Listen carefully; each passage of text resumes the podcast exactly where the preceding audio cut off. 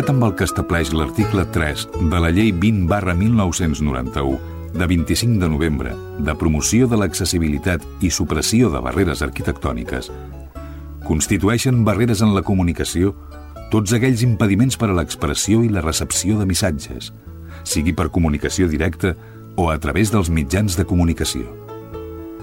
És per això que, emparant-nos en aquesta llei, volem que cada ciutadà gaudeixi del seu propi espai per moure's.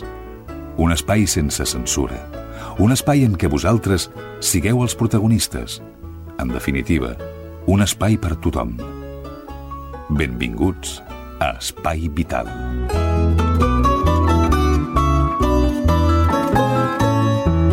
Senyores, senyors, què tal? Com estan? Benvinguts, ben trobats, una setmana més a l'Espai Vital, aquest programa que els parla de les discapacitats i les malalties cròniques, però amb un to així alegre, així com, com parla la Teresa, una persona alegre i dinàmica. Teresa, hola, què tal? Molt bon dia. M'he m'he trobat a tothom i avui m'encallava ja. Avui ja estava... Ui, malament, eh? Malament m'encallava. La sacsejarem, a veure, A veure si, si- si el cervell es posa una mica a lloc. Jo crec que Eh? sí, que aniria bé. Molt bé, doncs amb la Teresa, amb el Freddy, el nostre cercador, què tal? Molt bé, una mica estrany perquè m'han canviat de lloc, però... Oh, no, i avui... Està la madruga- Teresa... Diuen que qui madruga, Dios l'ajuda. Ah, és a dir, molt que content. aixeca't aviadet a venir al programa i segur que pots seure on vulguis. Mira, si vols posar-te aquí, Allà. també també ho pots fer. No, eh? no, no, aquí No? estic. Aquí ara estic ja, ara ja, Ara ara, de ara no em cuinera. toqueu. Ara faré de cuinera. Ara faré de cuinera. Ai, Déu meu. Mira. Molt bé, ens visita, ens acompanya un convidat que per mi és un convidat especial, fa ja un temps que el conec, tenim una relació professional extrema, que és el Francesc Rosset, ell ens ve de Creu Roja, Cerdanyola, Ripollet i ara també em sembla que Montcada. Francesc Rosset, què tal? Benvingut. Uh, bon dia, Xavi. Bon dia a tota l'audiència d'aquesta Ràdio Ripollet. Efectivament, eh, em considero un bon amic teu i t'agraeixo eh, que avui a Ràdio Ripollet i tu mateix... Espai vital. eh, i Espai Vital em donéssiu l'oportunitat d'estar aquí amb vosaltres. Doncs moltíssimes gràcies. En Francesc Rosset avui ens parlarà de la setmana del desarmament. Serà amb 3, 2 o 1.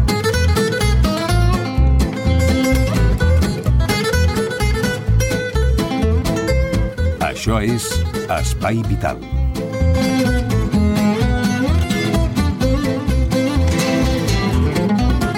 I des de diferents sintonies eh, els ho explico. Totes no me les sé, però sí sé el nom de les emissores. Cerdanyola, Ripollet, Montcada, Barberà i Santa Perpètua. Ai, quasi bé no ho puc dir, eh? Sí, no, és que la setmana passada vas tenir un fallo. Què dius ara? Sí, vas dir Santa Perpètua. Ah, Santa Perpètua. Santa Perpètua. Eh, que sí? és Ja, veritat. ja. M'heu- M'heu de mirar, m'heu de mirar mm, qualsevol lletra que dic. Això no està bé, eh? Mirar només els errors, les fallides que Això té jo una també en persona. Tinc, jo també en tinc, eh? Així vaig dir Santa Perpètua? Perpètua, Perpètua. Perpètua, bueno. pe- pe- Povade. Tanyó. doncs molt bé, continuem, comencem, dic, amb Francesc Rosset, Setmana del Desarmament. Eh, hi ha conferència, hi ha exposició, hi ha tot un seguit de coses que amb un paper ens ho porta tot escrit en Francesc Rosset. Però millor que us ho expliqui ell, que no pas jo. Ell sabrà què hi fa eh, la setmana del desarmament dintre d'un programa que parla de malaltia i discapacitat. Doncs no ho sé, aclarem-ho amb el Francesc Rosset. Francesc, Mm, Bé, jo penso que hi ha una certa relació. En principi, la Creu Roja està per donar suport, per ajudar a les persones més desafavorides i entre elles eh, a la gent discapacitada, de manera que hi ha una petita relació. I també potser ho podríem lligar d'una altra manera, i és que mm, En l'àmbit de la guerra, eh, doncs moltes persones discapacitades eh, ho són per causa de, de la guerra, de l'armament que s'utilitza. De manera que penso que sí que hi ha un lligam, eh, que no, no estem fora de lloc en aquest programa que d'avui.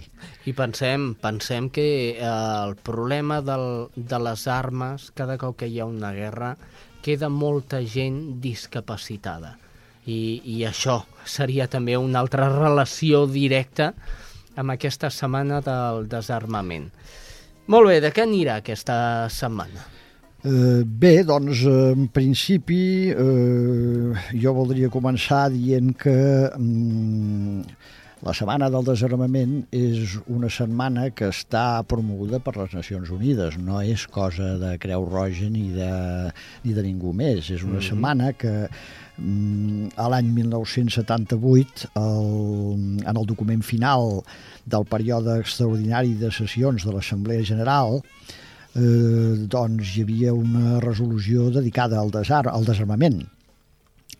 I eh, en aquesta resolució s'invita o s'invitava als estats eh, a posar de relleu el perill que representa la carrera armamentista, propagar la necessitat de que, de que acabi i fer també que el públic en general entengui la urgència de les tasques de, desarma, de desarmament.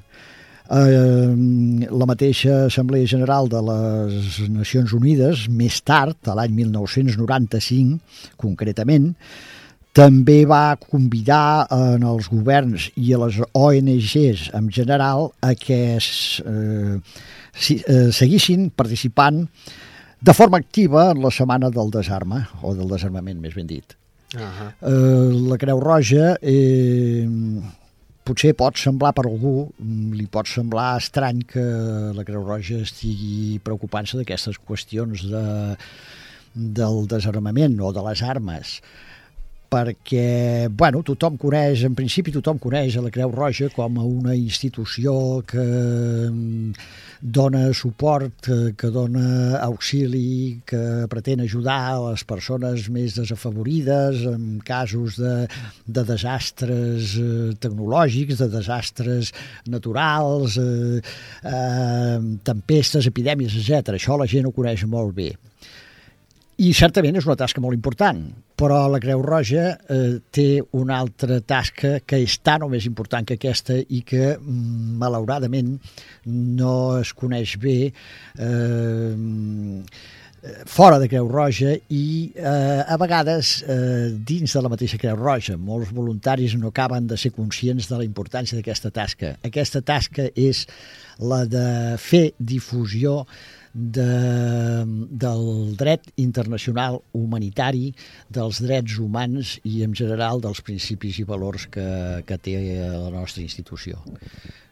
De manera que eh, dins dintre d'això, mm, és clar, ara pot, potser caldria dir què és el dret internacional humanitari, perquè molta... Sí, senyor, sí, senyor. Ah, Molt... Precisament ara estava pensant jo...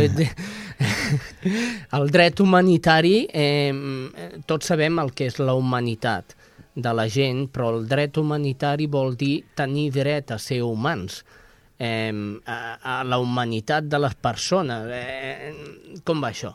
Eh, bueno, això és el que potser eh, es deduiria de la paraula dret internacional humanitari o dret uh mhm. -huh. humanitari, però és una cosa... Sí que hi està relacionada, però és una mica diferent és el dret internacional humanitari és el conjunt de normes escrites i consuetudinàries que eh, s'apliquen en temps i només en temps de conflicte armat i que tendeixen a humanitzar la guerra.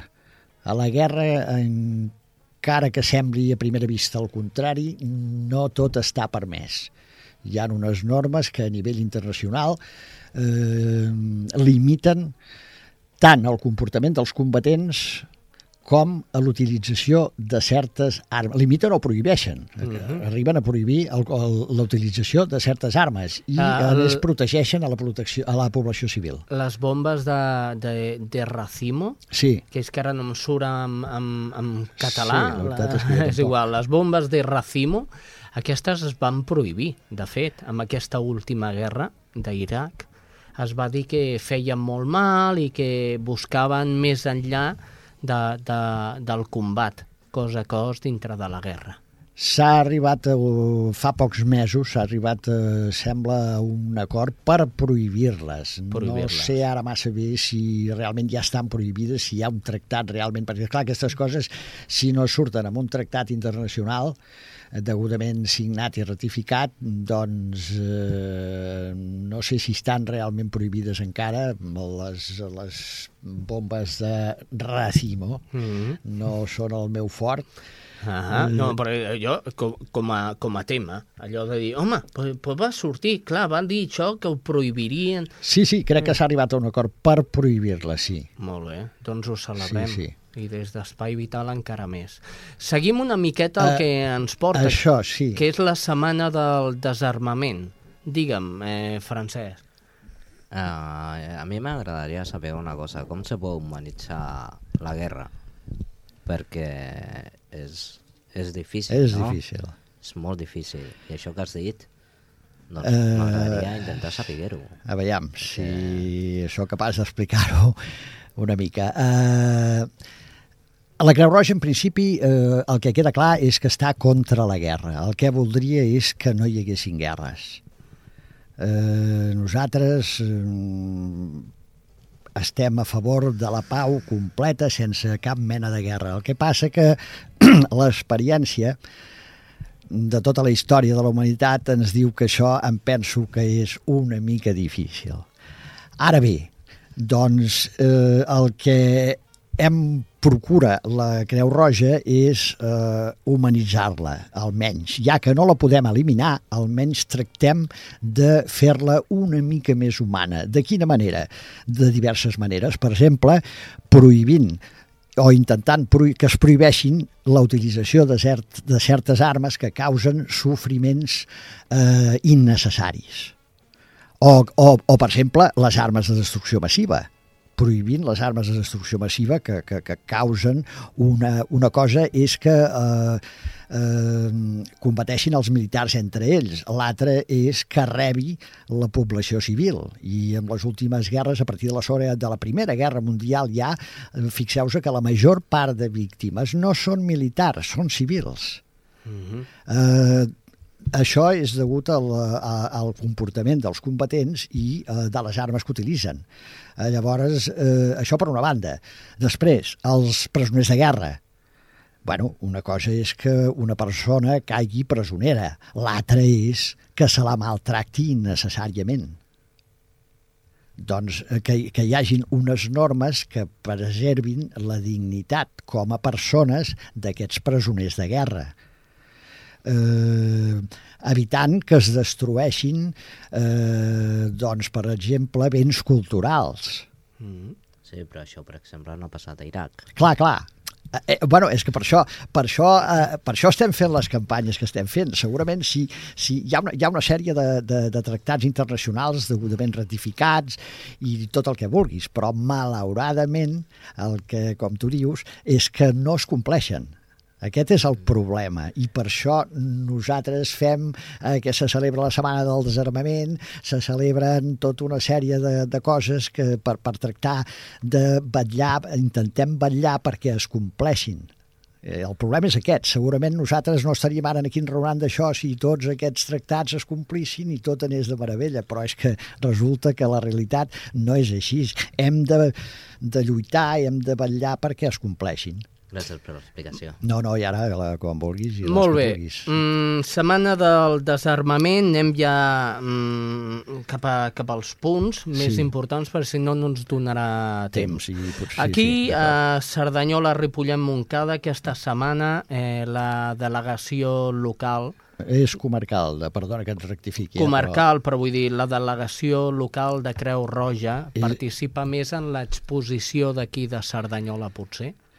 Uh, a veiem, el, a Cerdanyola el que s'ha organitzat... Ah, he de dir que, de fet, uh, tot això ho hem organitzat mm, gràcies també a l'Ajuntament de Cerdanyola, eh? cal Ah. posar-ho de manifest perquè eh, són ells els que també estan molt sensibilitzats, sempre han estat molt sensibilitzats envers aquests temes i eh, aquests actes es fan conjuntament amb l'Ajuntament. Eh? Sí, de la regidoria de drets civils. Sí, eh? això mateix, això mateix. Sí, sí, Doncs vinga, anem per de la clar. setmana. A veure, exposició, es fa eh, un acte, conferència. Un acte institucional. Sí. El dia, el, la setmana és d'aquesta propera setmana, del 20 al 26. Sí, Eh, es fa, primera, un, un acte institucional el dia 23, em Sí. penso que és a l'Ateneu de Cerdanyola. Cerdanyola, eh, en el qual eh, es farà una petita, una taula rodona eh, amb dos, amb sota dues el títol, sota el títol Desarmament i construcció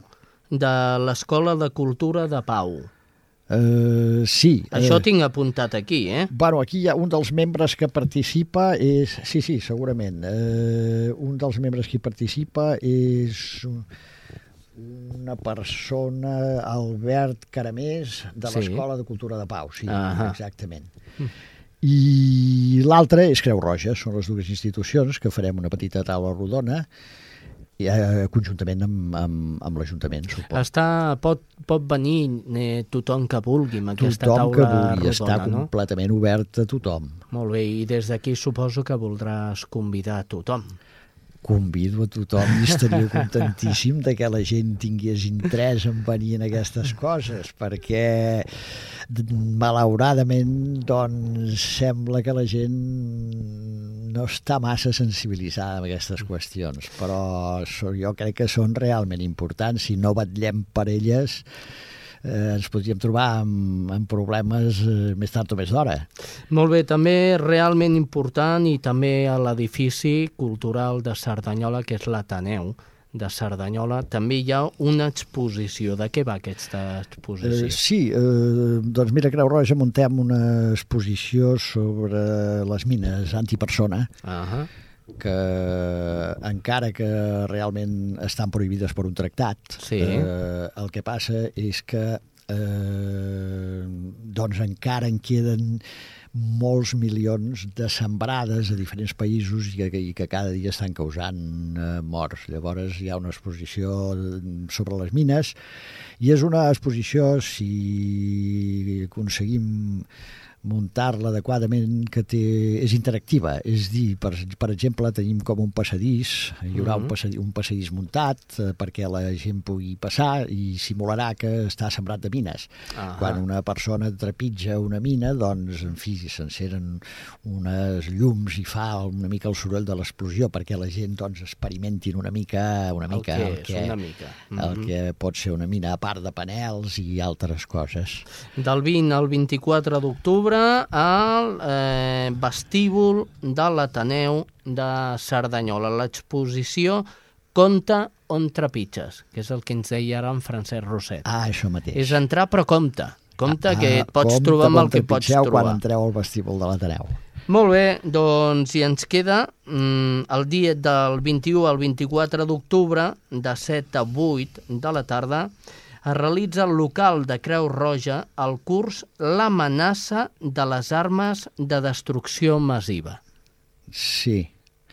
Uh, primer una rectificació perquè, o una precisió perquè tal com està escrita la nota que penso que s'ha publicat uh, la gent pot entendre que el curset aquest és del dia 21 al 24 és dir, 21, 22, 23, 24 4 dies i no és així Ahà. no és així, he de puntualitzar que són només 3 dies, no 4 Val. serien el 21, el 22 i el 24. Mm. El 23 està reservat per l'acte institucional de l'Ateneu. Perfecte, i és més, amb aquest eh, curset eh, es dona un, un certificat acreditatiu, suposo, d'assistència amb aquest curset, no? Sí, hem volgut donar... Se celebrarà a la seu de la Creu Roja. Cal inscriure's prèviament perquè a lo millor repartim una mica de material i l'hauríem de preparar, Ah eh, es donarà un certificat acreditatiu i el curset és totalment gratuït. Durarà cada sessió,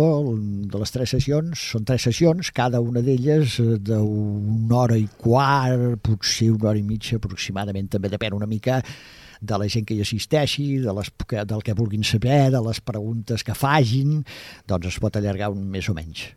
Molt bé, apunteu aquest telèfon, és el 93 691 61 61 o un correu electrònic informació.cerdanyola arroba cerdany, eh, creurroja.org. Repeteixo perquè, perquè no, no ho he dit molt bé. Informació.cerdanyola arroba creurroja.org.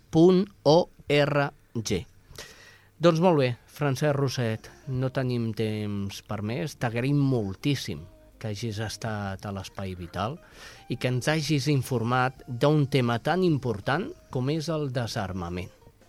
Gràcies i bon dia. Moltes gràcies a vosaltres, estic encantat d'haver-vos conegut eh, i estic a la vostra disposició per tot, quan vulgueu, sempre que vulgueu. Gràcies. Gràcies a tots.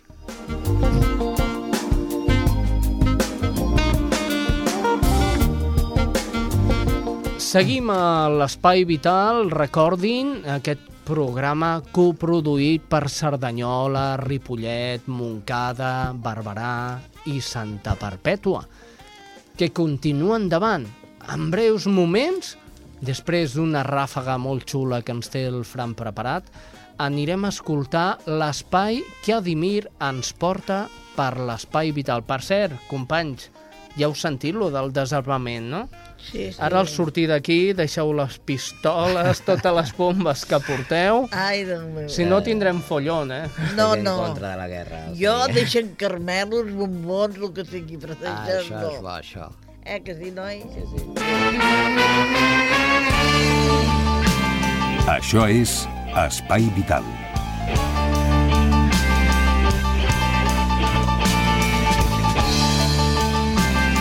I anem amb moltíssima pressa, corrent cap a Montcada.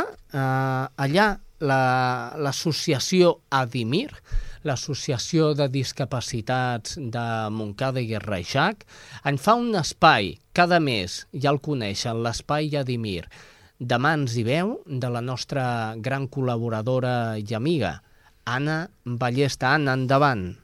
Hola Xavi, molt bona tarda. Estem una vegada més en l'espai Adimir. Gràcies eh, de tot cor per deixar-nos eh, pues, tornar aquesta temporada mm, i bueno, explicar, explicar a tots els oients eh, el- els nostres projectes. Aquest, eh, aquesta setmana, en aquest programa, eh, volem, re, volem retomar un tema que havíem fet al mes de juny, que vam presentar el vídeo corporatiu de l'associació, i en ell també vam fer l'entrega de la primera edició del concurs del treball de recerca d'Adimir. Eh, aquesta tarda, per parlar d'aquest tema, pues, tenim uns convidats molt especials, com sempre, tots que venen aquí són especials.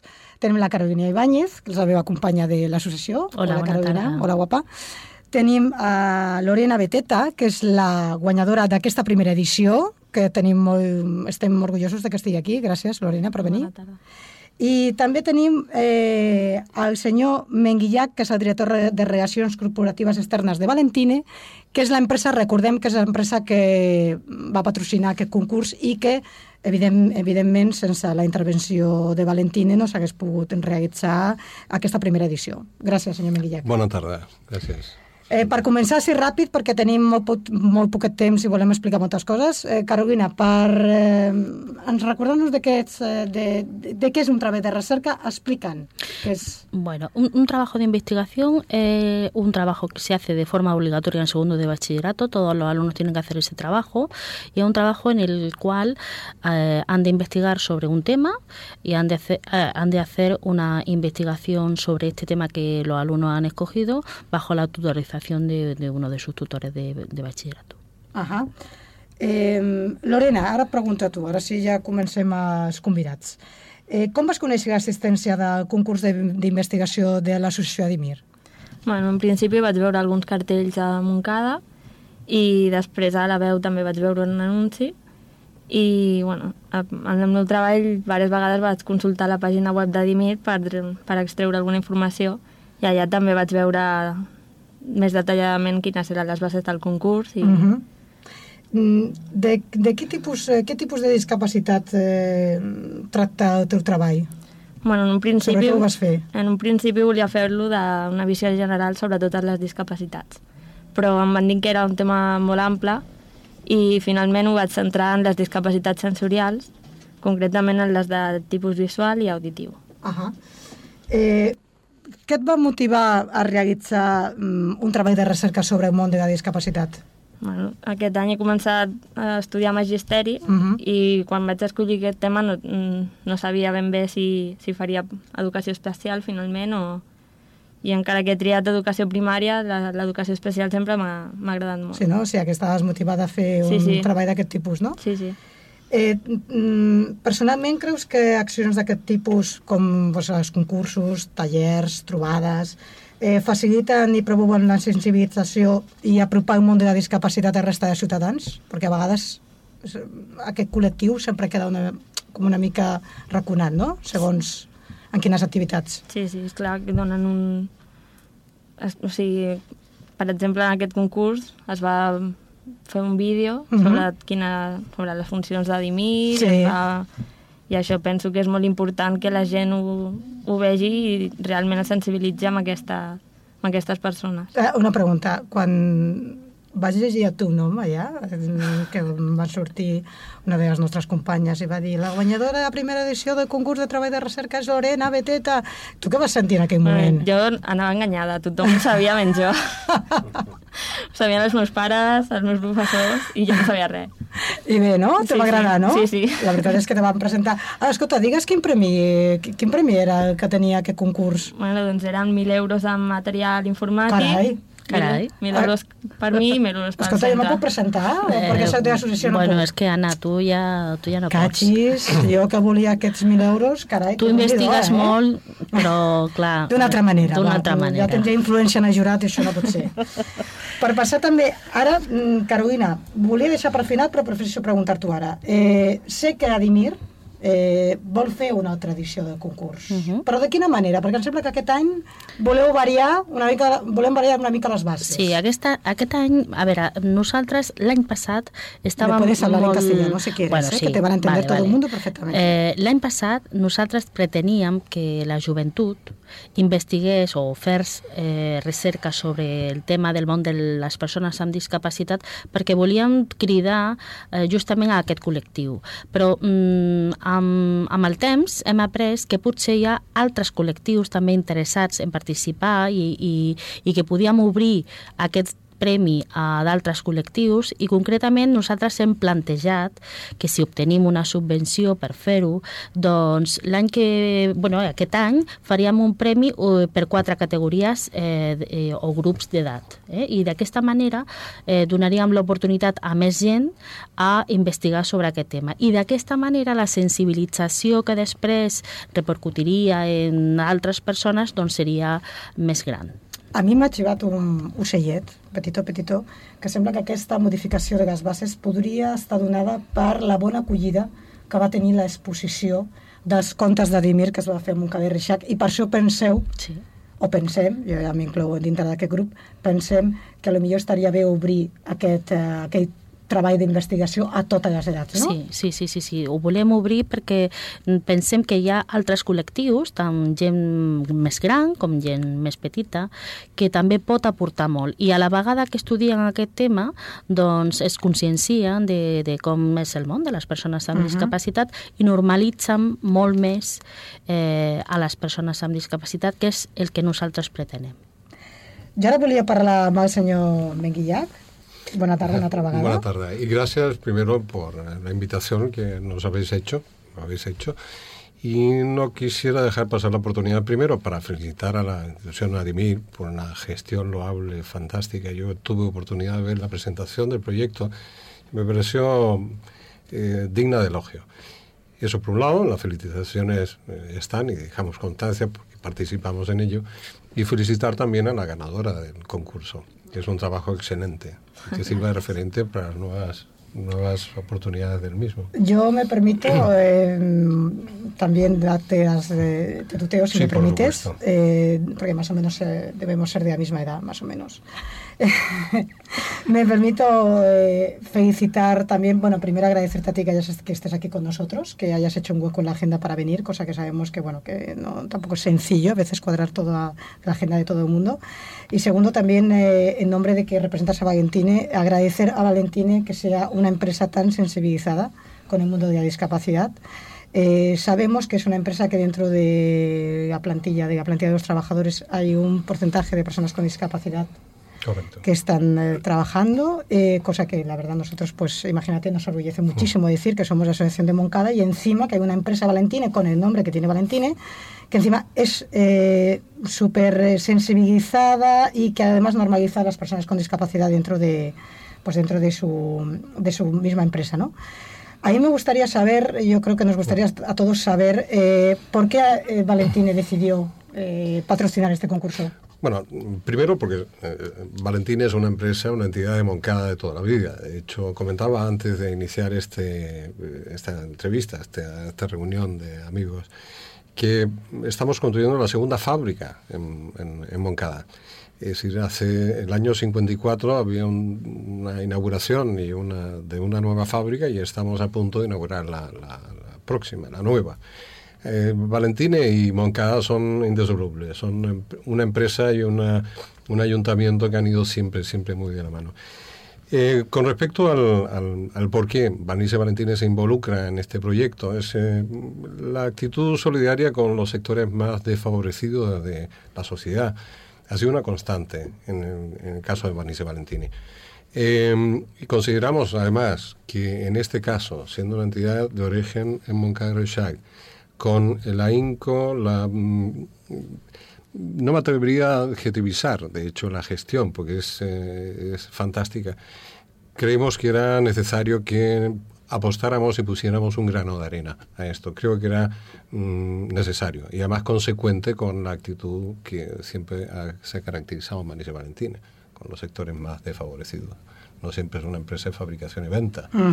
También hay un compromiso con la sociedad y una forma de manifestarlo, una de las tantas formas es esta. Es humanizar un poco la empresa. Es ¿no? humanizar, por por, supuesto. decirlo de alguna forma. Eh, mm, Valentine, supongo que, mm, dado de lo que nos estás explicando, eh, debe considerar o considera importante dar apoyo a este tipo de, de- de colaboraciones o proyectos o iniciativas. Eh, además, supongo que, bueno, yo quiero, mm, quiero aprovechar esta ocasión para hacer un llamamiento a las empresas privadas, que hay muchísimas en Moncada. Dime, yo, dime, dime. yo iba a Dime, contar dime, justamente lo mismo.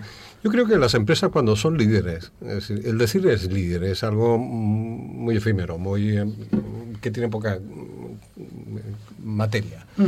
Eh, yo creo que el líder se caracteriza no solamente porque en su sector es el que vende más y que mejor fabrica, etcétera, etcétera, sino que también hace acciones de líder. Si con esto Vanessa Valentine eh, crea una conciencia en otras empresas, de hecho, publicitamos el hecho de haber eh, patrocinado este, este, este premio. Si esto, este grano de arena nuestro mm, hace que otras empresas eh, tomen actitudes similares, es decir, hemos logrado una segunda, un segundo objetivo. Y como digo, una empresa líder se ha de caracterizar por hacer acciones de líder. Y una de ellas es esta. Es un grano de arena, pero es algo. Y yo creo que muchas empresas, y ojalá así sea, van a ir poco a poco tomando conciencia que es importante el compromiso con la sociedad. Esperemos que el camino que vosotros lleváis tantos años haciendo, pero que cada vez es más palpable, cada vez es más visible, cada vez está más en la sociedad, que otras empresas privadas de Moncada eh, pues puedan coger ese testigo que vosotros también Sí, ahí. y ¿no? no solamente en Moncada, es decir, Valentín está en toda España, por lo tanto este puede ser un referente también para una empresa que esté en Andalucía, en el País Vasco, en Madrid, en. Levante, etcétera. Eh, antes eh, yo he comentado que sois una empresa en la que tenéis un, eh, un porcentaje de personal de la empresa es con discapacidad y a mí me gustaría que hicieras un poquito de referencia a ese tema de mm, nos explicaras si hay una buena consistencia con el resto de trabajadores por, eh, Es, yo diría que es tan buena la coexistencia que es casi imperceptible. O sea, nosotros tenemos personas con minusvalía en diferentes departamentos, la compañía, el laboratorio, en eh, Uno de ellos fue uno de los protagonistas de nuestro por, vídeo. ejemplo, por hay un testimonio de Sí, su experiencia francés, Francés. de su experiencia dentro del contexto de lo que es una empresa, y prácticamente es imperceptible en el sentido que se integran de tal forma y tan bien. Y además la empresa está muy satisfecha con la gestión que realizan, independiente de su minusvalía, que es muy relativo. Hay acciones para las cuales pueden realmente tener unas limitaciones, pero hay otras en las cuales pueden ser, si no Incluso- buenos, el mejor, Exacto, es lo suyo. exacto. Por lo tanto, en la compañía, todas las personas que están en diferentes departamentos cumplen con su cometido de una forma excelente. Y hay una gran satisfacción por parte nuestra pues, de contar con, con ellos como colaboradores. Eso también es un espejo en el que se pueden mirar, insisto, Exacto. Las otras empresas. las otras empresas Correcto. privadas, de que aquí no pasa nada. Y que duda cabe que también en- por, nues- en- por nuestra parte es un compromiso para con ellos con respecto a asociaciones que en alguna medida les eh, promueven su, su integración en la sociedad. Y para finalizar, esta es la gran pregunta de millón. Eh, Si me hace un descuento. Tendremos premio, habrá premio al final. Eh, nos ha comentado Carolina que bueno que Adimir eh, tiene la intención de convocar el segundo premio de trabajo de investigación o trabajo de recerca. ¿Hay posibilidad de que Valentine siga respaldando eh, esta segunda edición? Yo diría que hay una intención, no un compromiso, y digo por qué no compromiso, de momento. Porque estamos justamente cerrando un año, estableciendo las acciones para de cara al próximo ejercicio, por lo tanto dependerá de eso nuestra actitud, nuestras posibilidades para poder que duda cabe que sigue estando dentro de unas prioridades nuestras. Pero no puedo yo adquirir un compromiso en lo personal, sino que dependerá al final del ejercicio cómo establezcamos los budgets de, Bueno, este nosotros cogemos ese compromiso. De todas maneras, haremos lo posible por argumentar lo suficiente al accionariado para que nos permita también continuar con esta acción. Nosotros que somos muy positivos, eh, ya te, te doy la palabra Carolina, vamos a pensar que se va a poder llevar a cabo esa segunda edición, que va a haber otra ganadora del concurso, como este caso ha sido Lorena, que yo la verdad es que recuerdo la cara de sorpresa que puso y fue, la verdad, que fue un encanto verla subir allí, como usted entregaba, como tú entregabas el- ese premio en metálico. Ah, y no hemos dicho que también el instituto recibió también por su parte, por parte de Valentini, que era quien patrocinaba el concurso, vuelvo a insistir, recibía mil euros más también para material informático. Quiero decir que esto está muy bien. Que señores y señores, que todo el mundo que esté interesado, que seguramente se va a hacer esa segunda edición y todo el mundo va a poder participar, porque esta vez, ¿verdad Carolina? Esta vez va a ser abierto para toda la población. Y Carolina, la te doy a ti la palabra. No, yo simplemente para despedir el programa eh, quería volver a agradecer al señor Menguillac eh, y a Valentín, la empresa que él representa, que nos, ha- eh, nos dio realmente una gran oportunidad el año pasado de poder realizar este premio, que para nosotros era muy importante. Eh, mm, gracias también por esa buena intención para que el premio pueda tener una continuidad. Y, y- si es posible, eh, pues que se haga extensivo también al resto de empresas que colaboren con nosotros, porque mm, Adimire es una asociación que lo único que pretende es hacer mejores personas, no solamente luchando con las personas con discapacidad, sino luchando también para que eh, la existencia de estas personas sea un enriquecimiento para el resto de la sociedad. Entonces eso se tiene que se tiene que traducir siempre en, en una moncada mejor. Esperemos que así sea. Doncs eh, jo no tinc res més que afegir. Jo les sàvies paraules de la meva companya, que sempre està fantàstica, jo crec que ho ha deixat tot ben clar. Eh, gràcies al senyor Menguillac perdona, per estar amb nosaltres. Gràcies, Lorena, per estar també aquí. I, bueno, us convidem a la propera edició d'aquest petit espai a Dimir, amb més projectes, més propostes, més idees i, bueno, pues, eh, fins aviat i molt bona tarda, Xavi. Adeu! Gràcies, Anna, un cop més. Gràcies també als senyors de Valentini per col·laborar en una iniciativa, penso jo, tan bona com la del concurs. Doncs molt bé, nosaltres acomiadem aquí a Navallesta i sus muchachos i d'aquí a re, a pocs segons, ens anem a fer la roda informativa pel Vallès Occidental. Estàs escoltant Espai Vital.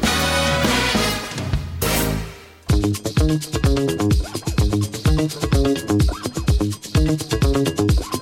Aquesta roda, que no és exactament tot el Vallès Occidental, sinó mm, cinc emissores coproductores eh, de l'Espai Vital dins del Vallès Occidental. Començaríem amb Cerdanyola. El director d'informatius, Xavier Poza, ens fa la crònica d'aquesta setmana. Hola Xavi, avui des de Cerdanyola Ràdio us expliquem que els professionals del Servei d'Atenció Primària Cerdanyola-Ripollet han aconseguit un dels premis de la Societat Catalana de Medicina Familiar i Comunitària, CANFIC. Aquest ajut els permetrà tirar endavant el seu projecte Estudi d'Intervenció per millorar el suport social en cuidadors. El seu investigador principal és el doctor Josep Maria Bonet Simó. El doctor Bonet pensa que si es cuida el cuidador d'una persona dependent, s'està cuidant de fet a la persona dependent, ja que la tasca dels cuidadors informals evita molts ingressos hospitalaris o en residència. El projecte preveu dotar de recursos instrumentals i emocionals als cuidadors i a les seves famílies, combinant l'atenció personalitzada amb la creació de grups d'autoajuda que per compartir experiències i vivències. El cuidador acostuma a ser algú que té tan assumida la seva funció social que no la valora prou i, per tant, difícilment acut a buscar ajut. Des del eh, Servei d'Atenció Primària de Cerdanyola-Ripollet es vol contactar amb els cuidadors per oferir-los l'ajut que els permeti valorar-se més. La Societat Catalana de Medicina Familiar i Comunitària ha dotat amb 10.000 euros aquest estudi, una quantitat que servirà per formar les persones que treballaran en el mateix. El doctor Bonet calcula que en un màxim de dos anys s'obtindran resultats i es podrà saber si ja es pot realitzar una aplicació pràctica dels mateixos. El Servei d'Atenció Primària de Cerdanyola Ripollet s'adreçarà als cuidadors informals que tenen registrats per tal d'oferir el suport del projecte i si s'obtenen resultats positius es farà difusió perquè tothom que vulgui es pugui adreçar al servei i sol·licitar rebre atenció. I de moment això és tot, fins la setmana que ve. Doncs molt bé, gràcies. Eh, Cerdanyola, Xavi Poza, m'he donat compte que t'ha canviat una mica la veu. Ah, no, que em diuen que no, que és la Rosa Morante. Gràcies, Rosa, des de Cerdanyola. Anem corrent cap a Ripollet. Allà sí, i espero no equivocar-me, hi ha la Laia Prat. Escoltem-la. Hola, Xavi. Avui des de Ripollet Ràdio t'expliquem que l'obra social Caixa Sabadell va iniciar el passat 15 d'octubre un nou cicle de xerrades dirigides a fomentar la felicitat de la gent gran. Es tracta de la novena temporada d'aquesta activitat que enguany s'emmarca dins el programa Gent Activa de la Regidoria de Serveis Socials. Les properes sessions s'oferiran els dimecres 29 d'octubre i 12 i 26 de novembre a les 6 de la tarda al Centre Cultural. A la segona sessió del 29 d'octubre, la xerrada Aprendre a gaudir a càrrec de la psicòloga clínica Jana Pérez explicarà i ensenyarà estratègies per relaxar-se, com identificar i expressar les emocions i com reconvertir els pensaments negatius en positius. El 12 de novembre tindrà lloc la conferència L'escriptura també es fa gran, treballem per millorar-la, amb la logopeda Cristel Serra. L'experta explicarà com treballar per millorar la precisió de l'escriptura perquè faci més goig. El cicle es tancarà el dimecres 26 de novembre amb el tema Interpretació i utilització dels somnis, amb la psicòloga clínica Sílvia Picón que oferirà respostes als somnis més sorprenents, tot destacant els possibles missatges i significats. I això és tot. Fins la setmana vinent. Gràcies, Laia. Fins la setmana vinent. Però ara que estem a Ripollet, dins de la roda informativa, volem saber Aquí l'Espai Vital volem saber. I volem saber què és el que ens portarà la Teresa al final d'aquest programa, perquè avui ens ha de cuinar alguna cosa exquisida que no ens deixi anar cap a casa. Bueno, perquè us expeu una miqueta, doncs farem unes llenties estofadetes. En costella, cansalada i xoriço. Oh, que bo, Teresa. Ah, perquè aquest noi té tanta gana, doncs almenys l'alimentarem una miqueta. Convidarem el Francesc també. Francesc, és, és que tu perds, tu perds si marxes, eh? Tu perds perquè tenim unes llenties estofades. Escolta, Ve, sube el fuego, chiquitín, sube el fuego, que hoy, hoy comemos bien i a part ja començo a tenir gana. Doncs el que dèiem, això era Ripollet, Laia Prats. Ara ens toca anar cap a Barberà. La Núria Cabrera és la que ens passa la crònica d'aquesta setmana. Hola Xavi, com esteu? Doncs avui des de Bàrbara del Vallès us informem que ja ha començat el curs Salut i Qualitat de Vida de Foment de la Felicitat de la Gent Gran de, organitzat doncs, per l'obra social de Caixa Sabadell amb la col·laboració doncs, de l'Ajuntament de Barberà. Es tracta de la novena temporada d'una activitat que va, es va fer també l'any 2007 i que va arribar fins a 3.050 avis de 26 poblacions catalanes. Aquest curs a Barberà serà de quatre sessions. La primera doncs, ja ha passat, va ser el passat dimarts dia 14, i les properes seran el dijous dia 23, el dimarts dia 28 i el, finalment el dijous 6 de novembre de 5 de la tarda a dos quarts de 7.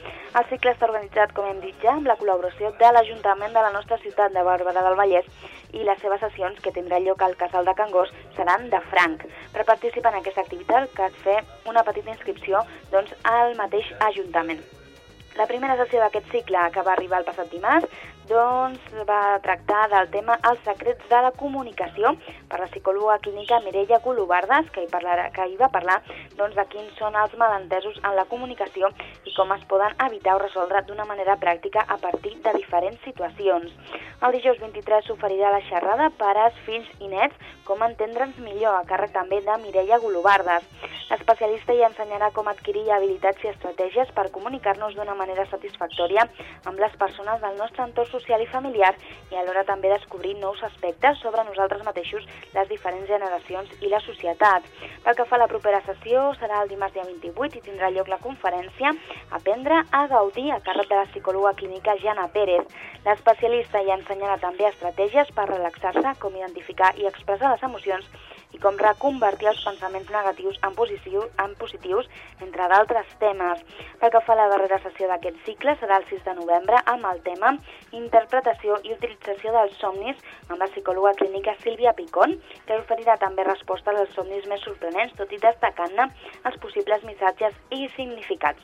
Des de Barberà, doncs, us seguirem parlant de com evolucionar aquest curs de salut i qualitat de vida a Barberà del Vallès dirigit a la gent gran. Des de Barberà és tot. Fins la propera setmana. Fins la propera setmana, Núria Cabrera. I no sé si dir periquito que sones de fons, l'heu sentit, no?